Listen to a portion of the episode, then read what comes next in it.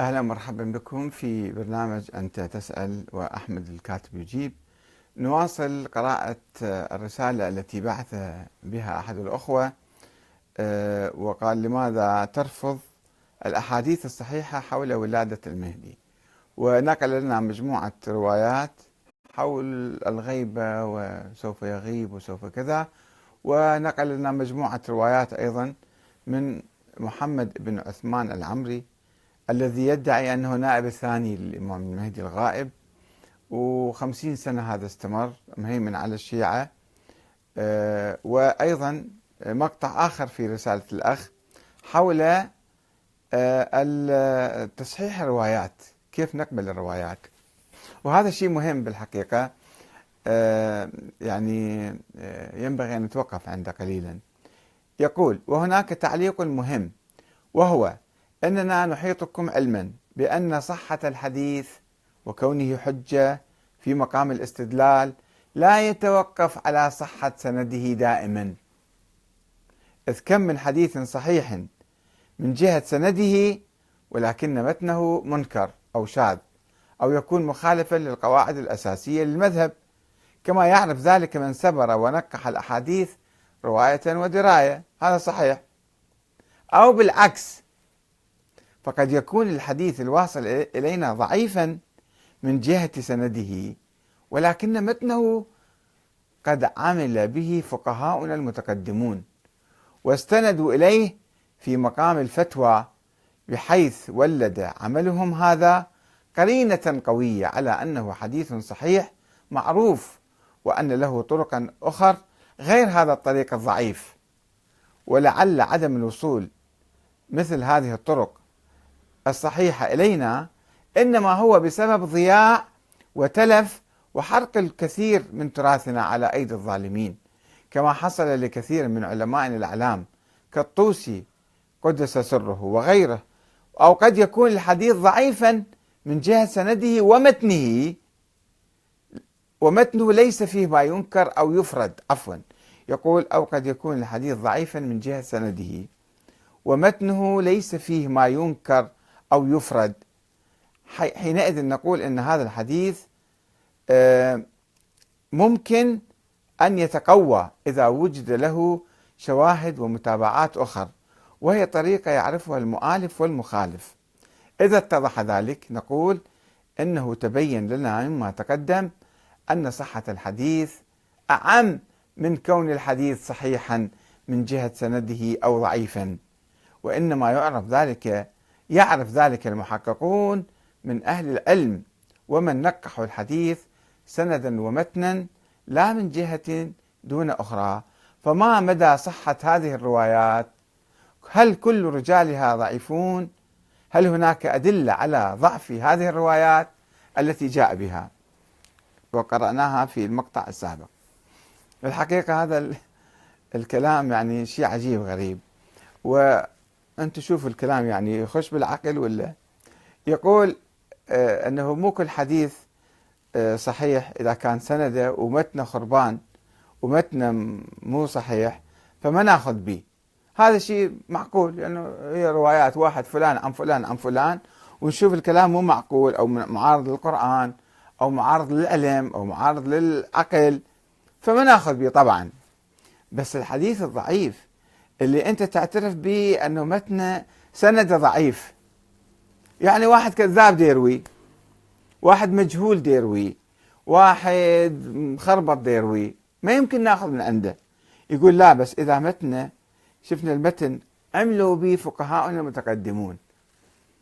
زين زين إحنا ليش نقلد ذول الفقهاء المتقدمين؟ هم سووا لهم نظرية ونظرية غير عقلائية نظرية عقيمة. قال لنا أكو فد إنسان مولود وهذا إمام الله معينا بالدنيا وراح يجي يسوي ثورة بالعالم وصار 1200 سنة وما طلع هذا الإنسان. هذولاك الناس افترض اجتهدوا افترض قبلوا أي شيء. هم مو بنوا عقيدتهم على آية قرآنية ولا بنوا عقيدتهم على حديث من الرسول أكيد متواتر. واحد عن واحد وبعدين يقول لا أنه هذا آه، ما دام عملوا به عمل الفقهاء يقوي الرواية. هذا مبدأ أصولي أو رجالي غير صحيح. إحنا لازم نعيد النظر. وخاصة إذا كانت العملية الفكرية اللي يسووها كلها تؤدي إلى لا شيء إلى صفر. فلازم نعيد النظر بالكلام. مو نقول والله ذلك علماءنا الشيخ المفيد ولا الشيخ الطوسي ولا الشيخ الصدوق ولا الكليني ارتأوا فد رأي أو قالوا فد نظرية وبعدين نظريتهم يعني في خصوص هذا الموضوع بالذات موضوع وجود الإمام الثاني عشر كل الروايات اللي يجيبوها هم يقولون الشيخ الطوسي يقول هذه الروايات ما نعتمد عليها. إحنا نعتمد على الدليل العقلي. منهج آخر هذا يصير. الدليل العقلي ما يمكن الاعتماد عليه في مسائل خارجية. المسائل الخارجية مثل وجود ناس بشر بالعالم وجود ناس بالعالم لازم بأدلة تاريخية مو بأدلة عقلية ولا حتى بأدلة روائية. يعني إذا جبت لي ألف رواية مليون رواية سوف يولد واحد وما ولد هذا الإنسان. تبين روايات كلها كذب هذه. زين تجيب لي حسابات رياضية. واحد زائد واحد يساوي اثنين يساوي أربعة خمسة ستة. وطلع لي فد إنسان بالوجود ما يصير. هذا مو منطق. المنطق العقلي. هم كل اعتمادهم على المنطق العقلي أو يسموه المنطق العقلي. هو مو منطق عقلي أساسا. يسموه الدليل العقلي أو يسموه اعتباري أو يسموه كذا وكذا فلسفي. فهذا مو صحيح. يعني إذا هم قالين في نظرية ومسويها وما معتمدين على على هالروايات من قال لك معتمدين على الروايات هذه؟ والروايات ضعيفة باعترافهم. وإحنا لازم نصدقها ولازم نقلدهم ولازم نقول نقول لهم كلامكم صحيح. شنو كانوا أنبياء؟ ولا كانوا معصومين؟ ولا كانوا شنو يعني؟ رسل ملائكة كانوا. ناس بشر قبل ألف سنة في وضع متخلف ثقافي متخلف سووا فرد نظريات آه، غير معقولة وورطوا بها العالم ورطوا بها الشيعة ألف سنة. وتعال يابا أنت أبقى على تقليدهم الأعمى. هذا تقليد أعمى يصير. واحد دي يجتهد في الكلام دي يقول في النظرية وما عنده دليل عليها ودليله ضعيف جدا. وأي لازم أقلد الآن بعد 1200 سنة أم لازم أنا أمشي وراء أقول لك كلامك صحيح وأصفق له. يقول واستندوا إليه في مقام الفتوى بحيث ولد عملهم هذا قرينة قوية على أنه حديث صحيح معروف. هذا مو مو مو قرينة هاي. هم أخطأوا اشتبهوا. ضحكوا علينا. إيش بدرينا؟ شلون إحنا نصدقهم كله؟ شلون نقدسهم؟ ليش نقدسهم أساسا؟ علماءنا من قال ذول علماءنا أصلا؟ هم منحرفين. غلاة منحرفين. سبعين فرقة شيعية كانت منحرفة أكو على قولتهم. فليش دول مو من ذولاك السبعين المنحرفين؟ ليش دول خوش واديم وكلش يفتهمون والبقية كلهم منحرفين؟ وأن له طرقا أخرى غير هذا الطريق الضعيف. ولعل عدم الوصول وصول مثل هذه الطرق الصحيحة إلينا إنما هو بسبب هذا افتراض وهمي. ليفسر أنه ما دام إحنا ما عندنا أحاديث أخرى تقوي هذا الحديث بس يمكن أكو بعض الكتب اللي احترقت أو اللي ضاعت كان بها هذا هذا شلون كلام؟ شلون منطق؟ تعال يا افترضوا أكو أحاديث تقوي هذا الحديث الضعيف. كما حصل لكثير من علمائنا أو قد يكون الحديث ضعيفا من جهة سنده ومتنه ليس فيه ما ينكر أو يفرد. زين واحد يقول لك خلافا للشرع الإسلامي الإمام الحسن العسكري توفى قال أنا ما عندي ولد بوصيته كتب أنا ما عندي أولاد. وهاي وصية كل العلماء يعترفون بها كل كل العلماء الشيعة يعترفون بها يقولون إيه صحيح؟ قال ما عندي أولاد. زين شلون تقولون هو عنده ولد؟ يقولون آه هو يمكن كان تقية يسوي يمكن يمكن كان خايف. بل يمكن ما يصير. إحنا نحتاج في قاضي يجي يبحث في هذه الأمور في هذه القصة ويثبت. الإمام الحسن العسكري عنده ولد لو ما عنده ولد حتى يصدر لنا حكم. قاضي نزيه مستقل مو قاضي أيضا مرتشي. حينئذ نقول إن هذا الحديث ممكن أن يتقوى إذا وجد له شواهد ومتابعات أخر. وين ما عندك أنت هكذا شواهد ولا عندك هكذا متابعات. فشلون قاعد تفترض كلها فرضيات في فرضيات. وأساسا يا أخوان يا أعزاء النظرية كلها نظرية الإمامة هي نظرية مثالية وخيالية ووهمية ووصلت في أنبثقت في القرن الثاني وواجهت عقبات وتحديات كأداء لأن الأئمة ما كانوا يعترفون فيها. أول تحدي كان لها الإمام الصادق الباقر ما كانوا يعترفون بنظرية الإمامة ولا يتبنوها وكانوا ينفوها علنا. وتحدثنا كم مرة عن هذا الموضوع. ووصل وصلت في نهاية وسط القرن الثالث الهجري إلى طريق المسدود وانقرضت هاي النظرية انتهت تبين أنها كلها وهم في وهم كانت. وما لها أساس كلها تأويلات تعسفية وفرضيات ونظريات ظنية. وما مو شيء قوي بها قرآني أو عقلي أو كذا.